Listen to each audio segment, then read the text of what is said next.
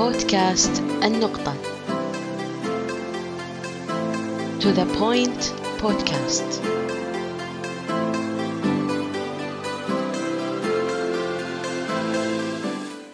حياكم الله أعزائي المستمعين في الحلقة الثانية من بودكاست النقطة وإن شاء الله اليوم لقائنا راح نتكلم عن التعليم عن بعد بالكويت. وضيفنا للمرة الثانية على التوالي أستاذ إبراهيم الحوطي. حياك الله أستاذ. الله يحييك يا هلا والله.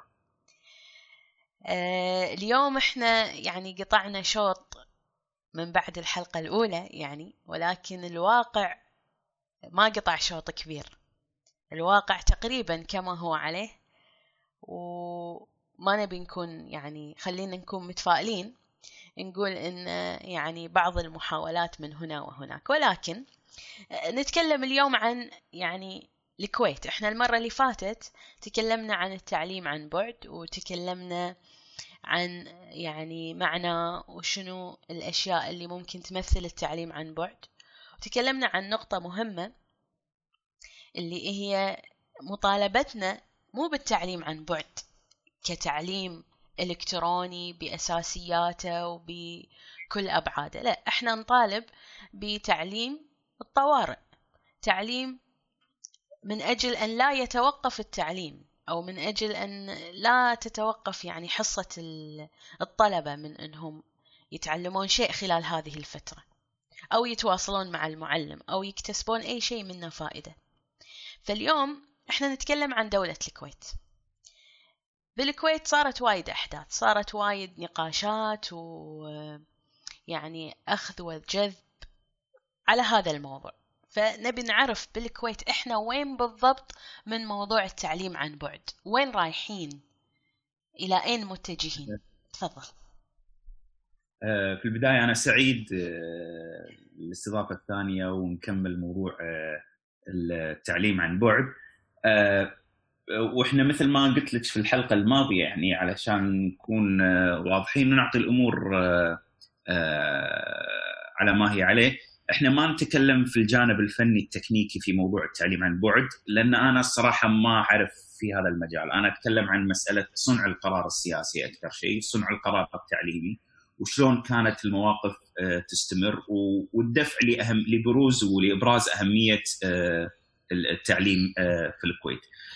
للأسف موقف الكويت في القضية التعليمية خلال الأزمة لا يتماشى مع الجهود الجبارة اللي قاعد تقوم فيها الدولة للحد من انتشار هذا الوباء.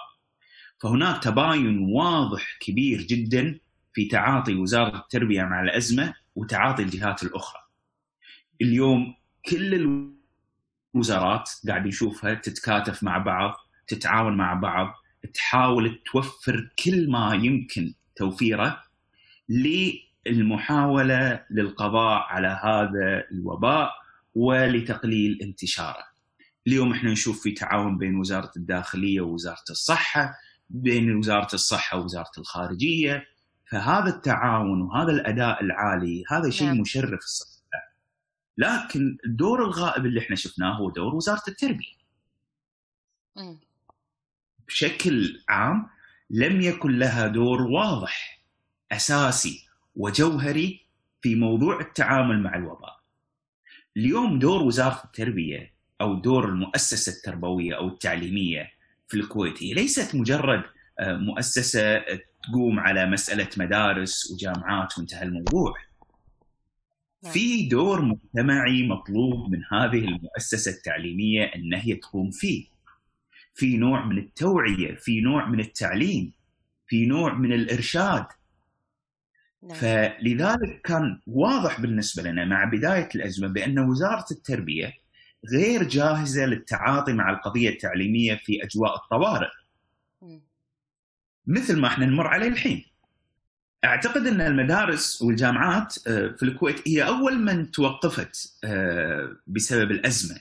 آه، أصلا قبل لا يبدي ينتشر ال- الوباء بشكل يعني على ما هو عليه الحين. وكنت أول آه، أول ما بدأت الأزمة وطلع قرار إيقاف أو تعطيل آه، الدوام المدرسي في في المدارس الحكومية والخاصة والجامعات كنت أقول قاعد أقول الحين الموظف اللي قاعد يقوم الصبح ويروح دوامه. شو الفرق بينه وبين الطالب بالجامعة أو الطالب اللي آخر سنة بيتخرج؟ يعني نوعا ما العمر وقتها ما كن ما كان موضوع الفيروس واضح بالنسبة لنا فكنت متقبل سالفة إن الأطفال يقعدون في المنازل في البيوت. أأمن لفتره لهم. لفترة معينة ممكن تكون محدودة يعني. بالضبط. بالضبط. بس لما جيت بعد شفت حتى بعد طلبة الجامعة فكان الموضوع مستغرب. آه بخلاف ترى كثير من الدول اللي أخرت إغلاق المدارس يعني. يعني على سبيل المثال سنغافورة ما أغلقت مدارسها إلا في شهر أربعة. يعني إحنا قاعد نتكلم تو في الشهر اللي طاف. أي. بالنسبة لهم لعدم وجود أي دليل على إمكانية الأطفال أو لضعف الأدلة اللي تبين إمكانية الطفل على نقل المرض والعدوى إلى آخر وبالنسبة لهم يعتمدون هم أكثر في سنغافورة في عملية اتخاذ القرار على الدراسات.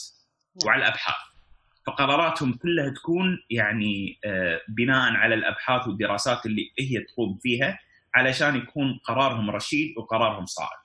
نعم. فالصراحة يعني موقف الكويت محزن جدا إن الكويت قد تكون هي الدولة الوحيدة آه، على مستوى العالم اللي عطلت كل أشكال التعليم سواء الأساسي أو العالي. فالوقت اللي اليوم إحنا الوقت اللي قاعد يقضي فيه الأطفال في اليمن وهم تحت الحصار والحرب والجوع وقتهم بالتعليم الطلبة الكويتيين والأطفال الكويتيين يقضون وقتهم في موضوع اللعب والوناسة. فمحزن لما إحنا نسمع دول آه، أفقر من الكويت. آه، مثل ما شفنا على كل تواصل كل وسائل التواصل الاجتماعي. آه، في الفلبين في سريلانكا في الهند في دول ما عندها ربع الإمكانيات اللي عند الكويت لكن لم يقف التعليم عندها واستمر التعليم.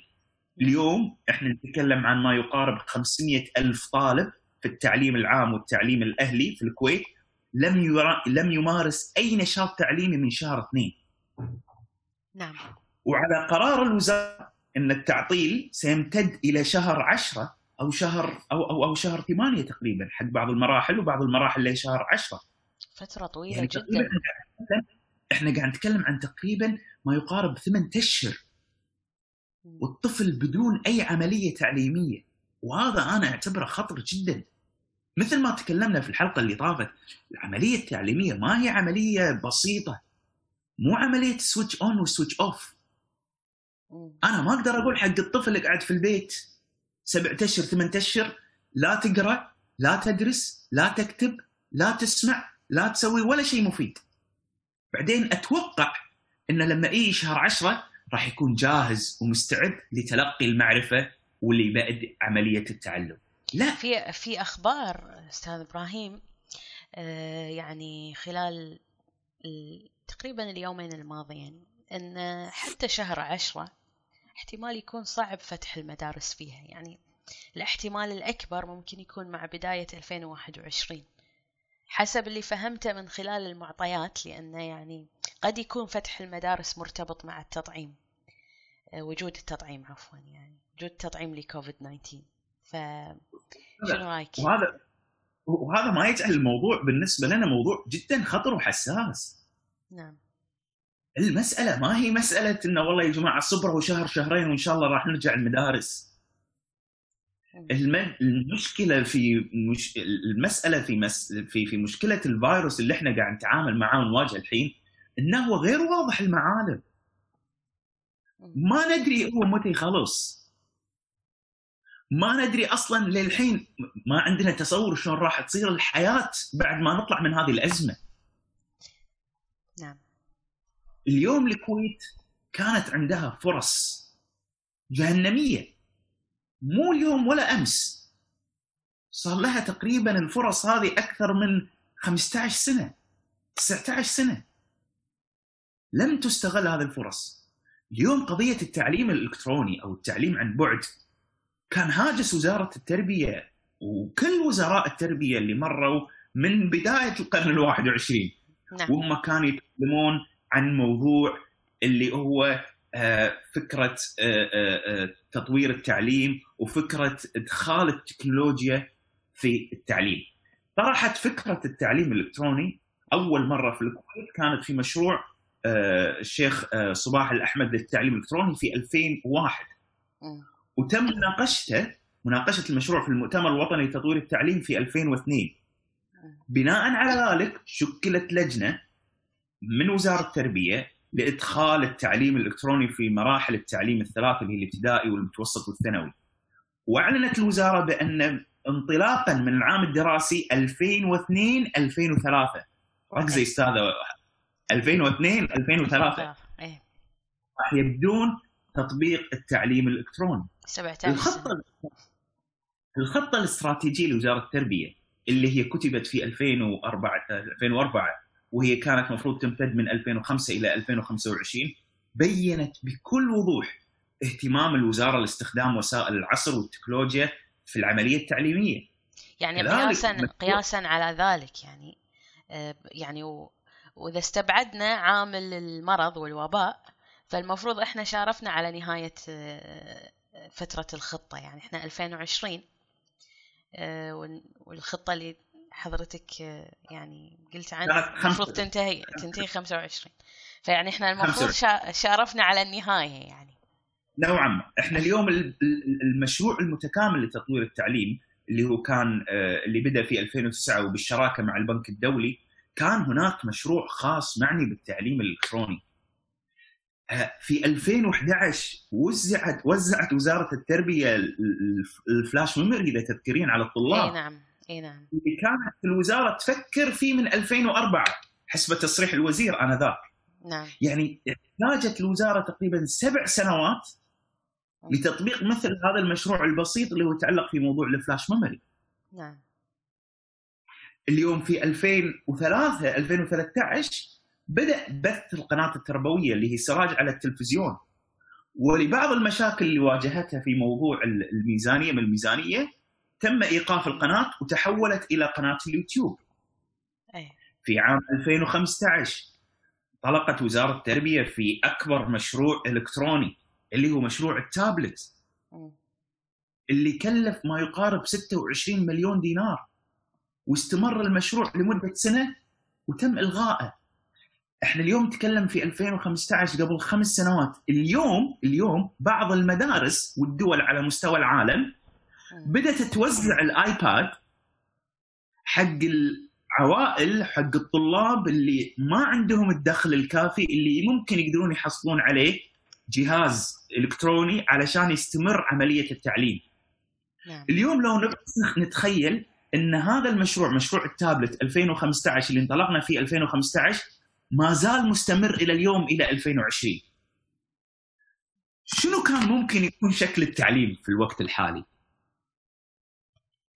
يعني اليوم اليوم اليوم خلينا نتخيل ان من أي. 2005 هذه خمس سنوات معناته إن أنا كوزارة أنفقت هالأموال هذه وزعت التابلتات حق كل الطلاب المعلمين عرفوا شلون يستخدمونه الطلبة عرفوا شلون يستخدمونه اسست منصات أنا كوزارة اسست منصات خاصة فيني على فكرة التابلت توزع على المعلمين أيضا إي توزع على المعلمين يعني- صح توزع على المعلمين لكن توزع على المرحله الثانوية فقط حلو. آه. okay وما وزع على باقي المراحل التعليمية نعم فاليوم لو كان التابلت موجود عندنا وإحنا عارفين شلون نستخدمه والطلبة عارفين لأن هذا أمر أساسي ورئيسي.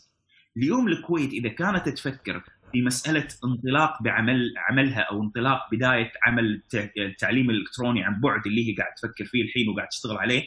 اليوم أحد التحديات اللي تواجهها إن الطلبة مو عارفين شلون يتعاملون مع ال- مع الوسائل أو البرامج اللي أنت راح تطلقها. أي. وهذا تحدي كبير راح يكون على الطالب. فاليوم لو كان إحنا استغلينا هذا المشروع استغلال صحيح أي. حلو؟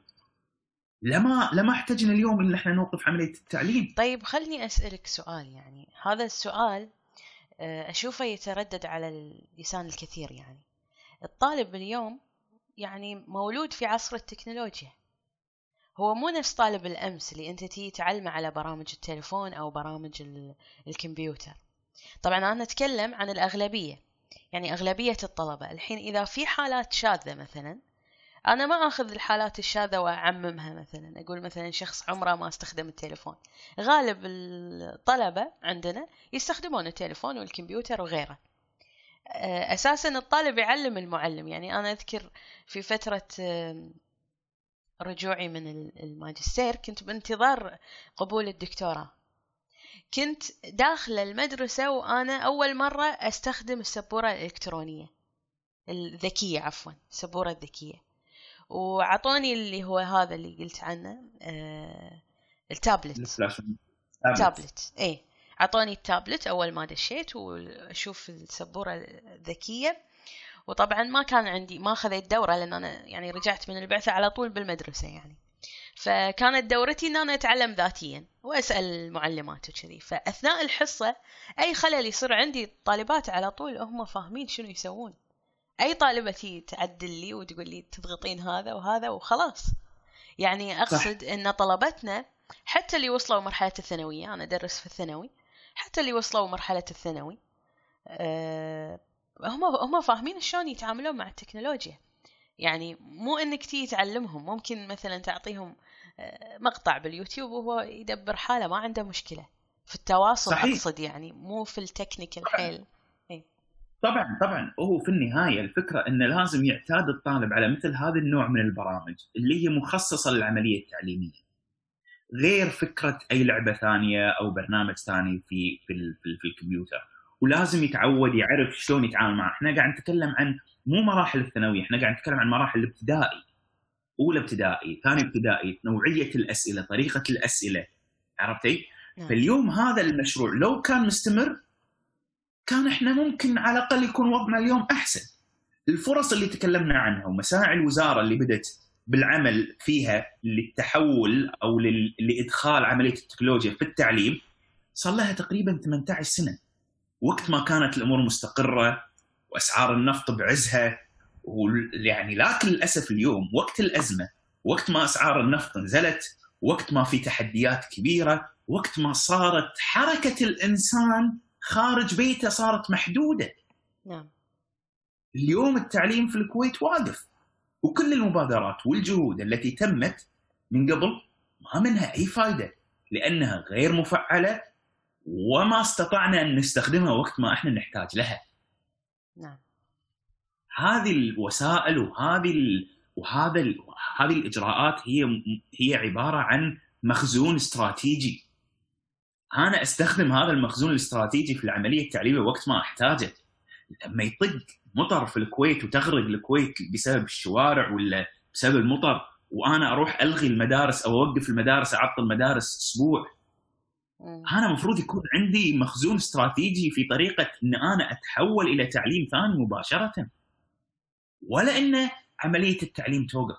اليوم أنا ما نتكلم اليوم إحنا ما نتكلم عن مسألة المناهج خلصت ولا ما خلصت؟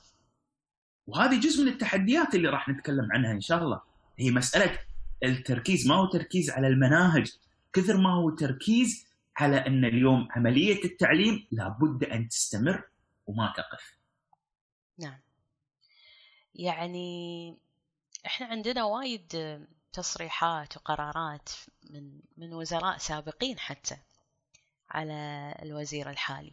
يعني هي المشكلة ما أعتقد أنها مشكلة معاصرة أو حديثة أعتقد أنها مشكلة أزلية في تعليمنا. إذا صح التعبير يعني. في 2008 آه، نورية الصبيح كانت تقول أن التعليم سيكون إلكترونيا بعد سنوات قليلة ويزيد التحصيل العلمي للطلبة يعني. عاد عاد هذه لازم تكونين انت بعد واضحة شوية لازم تعرفين شلون السنوات القليلة يعني شلون تقدر تتفسر يعني. يعني إحنا الحين من 2008 صار لنا 12 سنة. قد يكون في ناس تفهم إنها هي سنوات قليلة. اليوم التصريحات من من من الوزراء الكل مثل ما قلت لك أنا كل وزير اليوم مر أعلن على مسألة إن اليوم إحنا لازم نبدي في مسألة التعليم الإلكتروني. كلهم. لو نسويها يعني لو ندخل على موقع وزارة التربية أو ندخل على تويتر في تويتر في, في وزارة التربية راح نلاقي التصريحات كلها موجودة لكن وين الإشكال يكون؟ الإشكال اللي يكون إن اليوم ما في استقرار نعم. داخل وزارة التربية اليوم تنفيذ مثل هذه المشاريع تحتاج عملية مستمرة تحتاج استقرار اليوم الوزير لنفترض آه، اللي يقعد سبعة أشهر شلون اليوم أنا أقدر أحاسب هذا الوزير اللي قاعد فيه سبعة أشهر أقول له والله أنت شلون ما طبقت التعليم الإلكتروني؟ يقول لك ما بداني أطبق التعليم الإلكتروني. هل كل وزير عندنا يعني في التربية كل وزير يأتي بأجندة جديدة يعني فكرة جديدة من الأساس؟ أه، يعني أتخيل أتخيل انه لو كل وزير عنده وهذا طبيعي هو نعم. هذا نوعا ما نوعا ما طبيعي لأن اليوم هو بغض النظر إذا صحي ولا غير صحي بغض النظر إذا صحيح ولا مو صحيح لكن اليوم لما يجي قائد جديد لما تيجي قيادة جديدة عندها رؤية بالنسبة لها عندها توجه عندها شغلات هي تؤمن فيها عندها شغلات هي تهتم فيها أكثر لذلك لذلك عملية التغيير المستمر في عدد الوزراء اللي قاعد يصير عندنا في الكويت قاعد يأثر بشكل كبير على العملية التعليمية بشكل عام. نعم. مو فقط في مسألة التعليم الإلكتروني.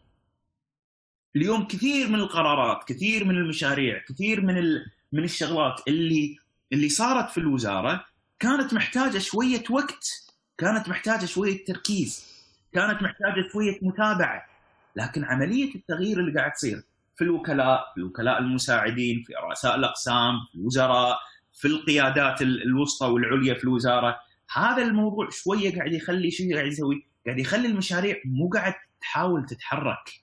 نعم. ما في ستيبيليتي في الوزارة. مو بس على القيادات بناء عليه على القرارات. على نعم. التوجهات على الرؤى فاليوم علشان إحنا اليوم عشان إحنا نقدر نوعا ما نترجى أي إنجاز حقيقي من العملية التعليمية في الكويت إحنا محتاجين ان نضمن استقرار العملية التعليمية باستقرار قياداتها. نعم. علشان إحنا نضمن إن المشروع اللي نعلن عنه في 2000 ومثل ما قالوا في 2004 فلاش ميموري ما يحتاج سبع سنوات عشان يطبق في 2013 طيب ما الوكلاء في الوزارة مستقرين يعني تقريبا؟ لا ما هم ما هم مستقرين نفس الشيء. يعني أفضل من حال الوزراء مثلا يتغيرون بين فترة وفترة قصيرة. طبعا في النهاية لكن في النهاية اليوم الوكيل يتبع أوامر الوزير. نعم. وفي النهاية هم هو محدود في صلاحياته وفي إمكانية تحركه. نعم.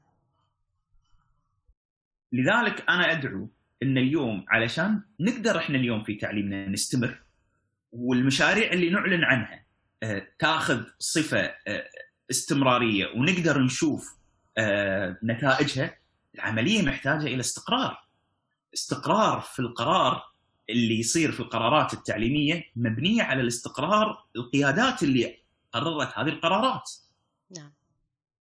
بدون الاستقرار هذا الأمور ما راح نقدر نمشي فيها للقدام طيب. اليوم مثل ما يعني يعني من التحديات الأساسية اللي إحنا نواجهها اليوم في مسألة الوزارة اليوم أو مسألة التعليم عندنا في الكويت إن إن اليوم ما في بنية تحتية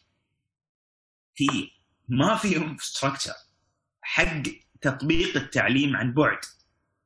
نعم. اليوم طريقة طريقة تعامل الوزارة مع التعليم طريقة مناهجنا طريقة توزيع المنهج هي طريقة وايد جامدة غير مرنة. اليوم حركتنا في الوزارة حركة بطيئة المحمل وايد عود ثقيل وايد. بالفعل. آه يعني لذلك اليوم أي حركة أي حركة أقدر أسويها أو حركة أبي أسويها ما أقدر أسويها بالشكل السهل.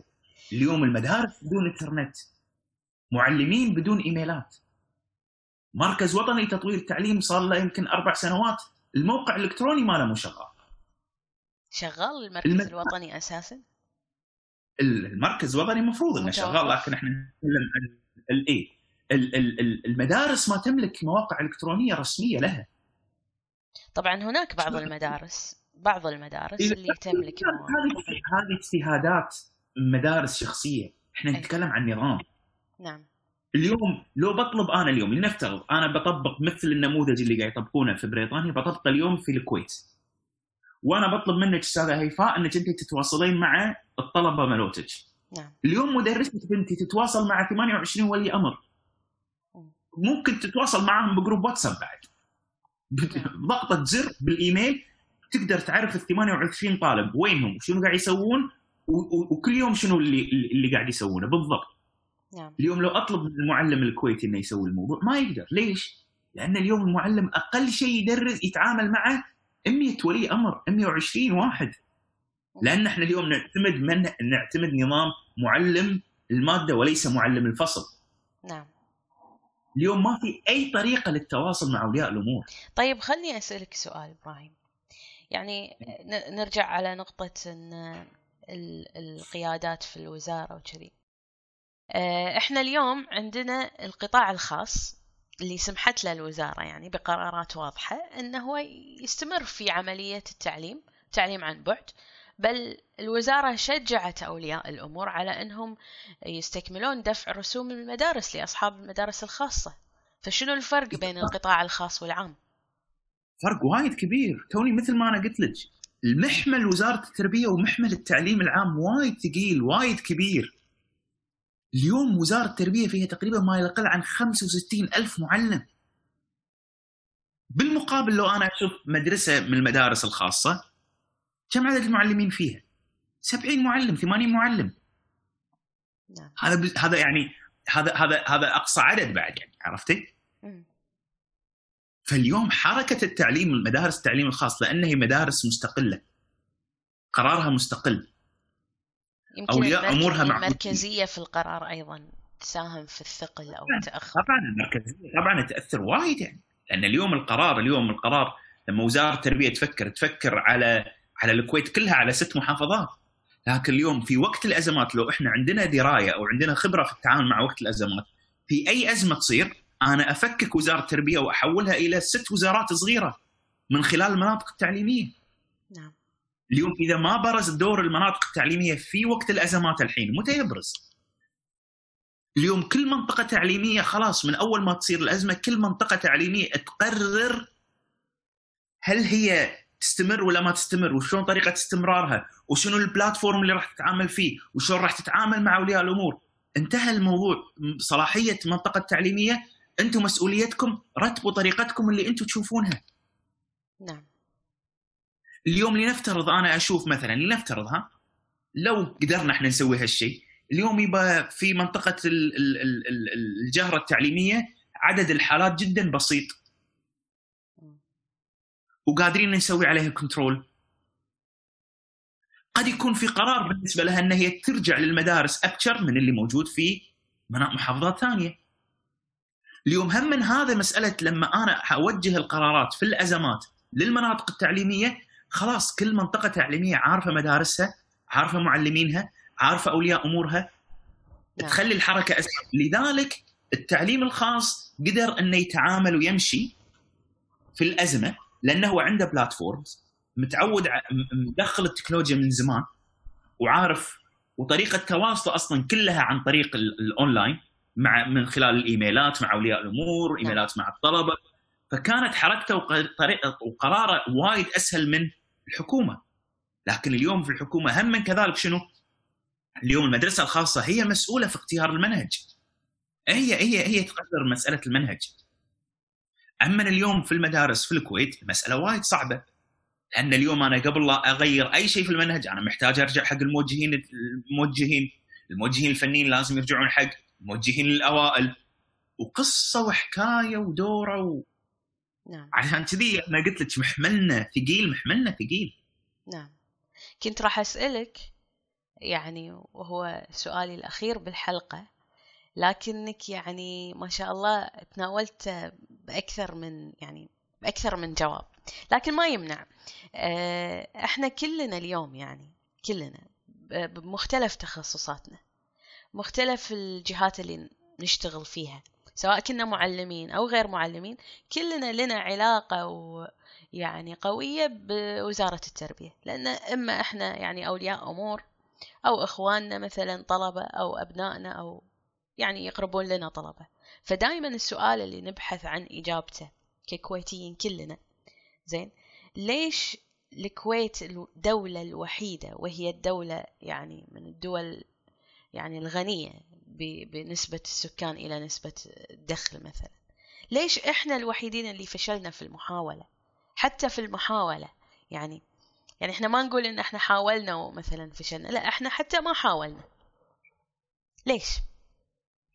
أعتقد أنا مثل ما قلت لك اليوم في بعض بعض الشغلات في نظامنا التعليمي هي اللي نوعا ما آه، آه، عاقت الحركة. وصارت الحركة نوعا ما بطيئة. اليوم آه، طبيعة الإنسان دائما يخاف من أي شيء جديد. نعم. فهو ما وده يجرب. ما وده يجرب لأنه هو يخاف إنه يفشل. حلو؟ حلو لذلك هو تلاقينا دائما يبتعد عن مسألة اتخاذ أي شيء جديد. بالمقابل اللي أنا ادعو له اليوم أنا أدعو إن إحنا نجرب ونفشل. ماكو أي مشكلة. خلينا نجرب. اليوم الكويت ما مارست ولا شكل من أشكال التعليم عن بعد من قبل. اليوم ما جات لي فرصة ذهبية ببلاش. إني أنا أروح وأتوجه إلى هذا القرار. نعم. واليوم إذا الوزارة تبي تقرر القرار بالعكس راح تكون نوعا ما عندها إسناد قوي لأن العالم كله في هالموجة نعم فعندي فرصة جهنمية إني أنا أستغلها إني أنا أروح أجرب في مسألة التعليم أونلاين وأجرب التعليم عن بعد حلو؟ وأجرب هالتجارب الجديدة أجرب قرارات جديدة أجرب طريقة تعاملات جديدة وأحاول إني أستغل الفترة هذه لتقييم هذه التجربة. نعم. اليوم أنا محتاج إني أجرب علشان أغلط علشان أصلح الغلط. لكن إذا أنا ما جربت أنا ما عمري راح أغلط لكن ما عمري راح أتغير. نعم. وهذا هو الأساس. الأساس إن إحنا نتغير إلى الأفضل.